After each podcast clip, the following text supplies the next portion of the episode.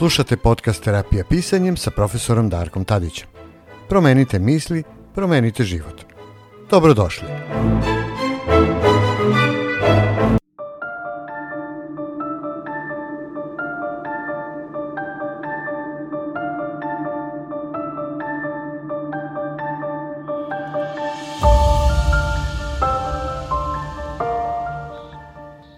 sam upoznao kada je nakon pet godina teške borbe sa napadima panike i anksioznosti došao u radionicu terapijskog pisanja. Bio je rešen da se kroz pisanje suoči sa ovim demonima koji su ga neumorno proganjali i napravili mu paka od života. Ovo je najvažniji deo njegove priče, onako kako ga je zapisao prvi put. Posle toga je već bilo mnogo lakše, pa da čujemo.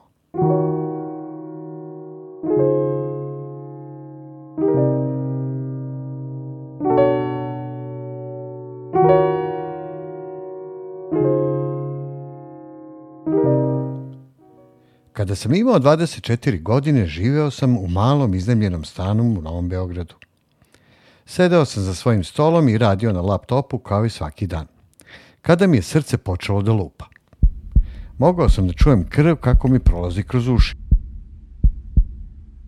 I vidim kako mi se grudi pomeraju gore-dole ispod dva sloja odeće. Primetio sam kako mi ruke drhte nad tastaturom, a vid mi je postao zamagljen kad sam pogledao u ekran kompjutera. Odjedno mi je bilo vruće i znojio sam se, toliko sam bio mokar od znoja da sam skinuo duksericu i otišao da istriljam lice pod hladnom vodom. Ali dok sam ustajao da odem do boa, jaka drhtavica se spustila u moje ruke i noge koje kao da su bile od gume. Nisam mogao da ustanem, mislio sam da ću pasti. Činilo mi se da mi srce lupa još brže, još jače. Pokušao sam duboko da udahnem, da se smirim, ali dah mi je bio oštar i plitak. Vid mi je postajao sve tamniji i uži i izgledalo kao da gledam kroz durbin, kao kad zatvorite oči i pritisnete kapke da vidite zvezde. Umireš, rekao je glas u mojoj glavi. Ovako je smrt, ovako izgleda smrt, a ti ćeš umreti sam. A onda sam polako pao na pod. Ne znam koliko je vremena prošlo, pre nego što sam uspeo da ustanem i da se smirim. Moglo je biti 30 sekundi ili čitav sat.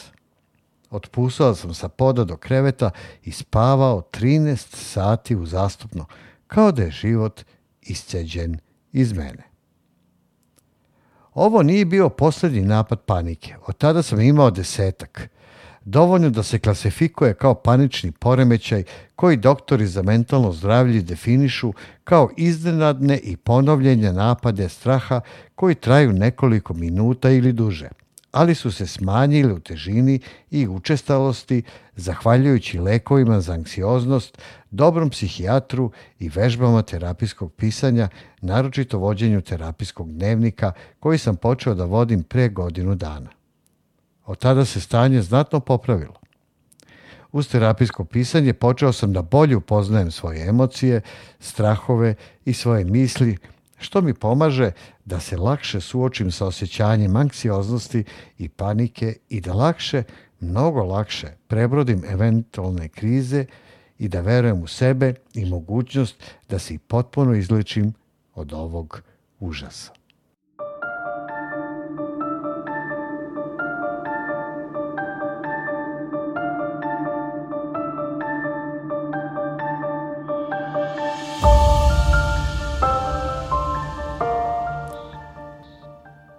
Čuli ste najvažniji deo Dejanove priče o napadima panike.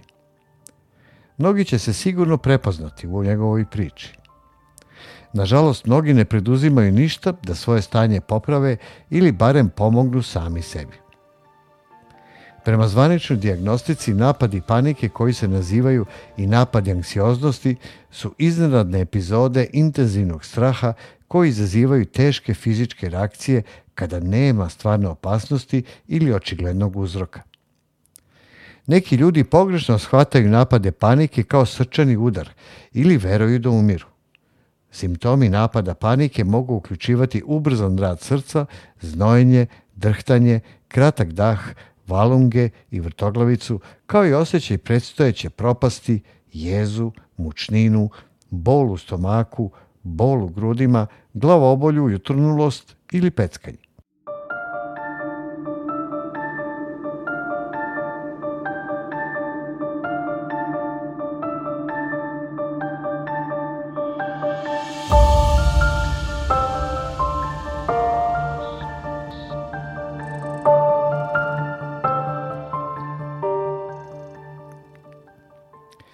Stručnjaci uglavnom smatraju da nema poznatog uzroka napadu panike, ali i genetika i visok nivo stresa mogu imati neke veze sa tim.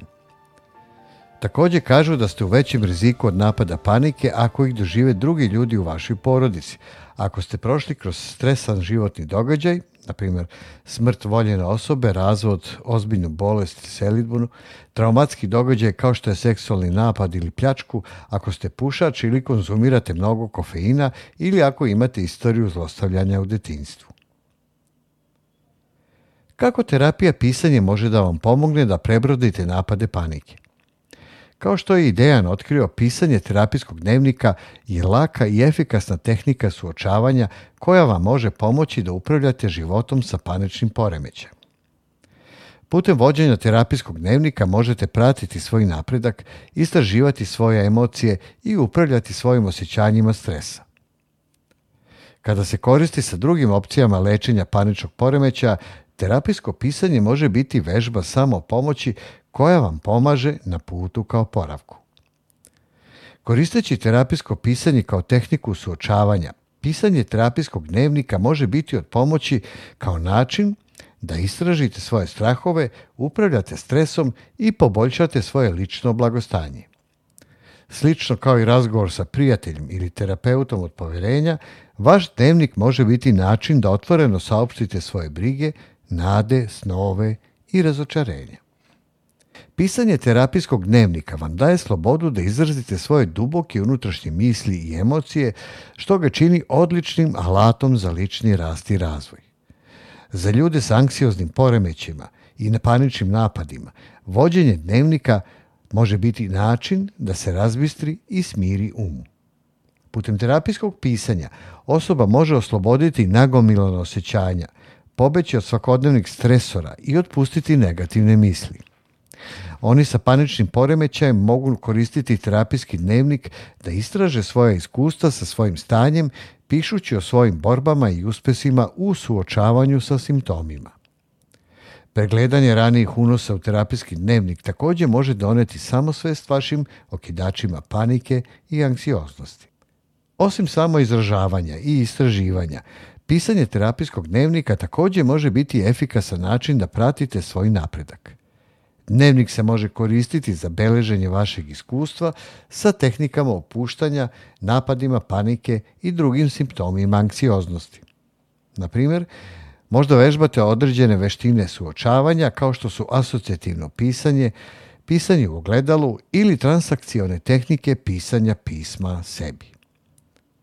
Možete da koristite svoj terapijski dnevnik kao sredstvo za beleženje kako je vaša tehnika prošla tog dana, zapisujući kako ste se osjećali pre i nakon što ste isprobali tehniku, beležeći šta vam se dopada, a šta ne. Probajte. Uzmite život u svoje ruke i ne odustajte nikada. Budite sami sebi najbolji prijatelj i najbolji terapeut. Vaša duša i vaše telo uvijek znaju šta je najbolje za vas. Terapijsko pisanje. Do slušanja.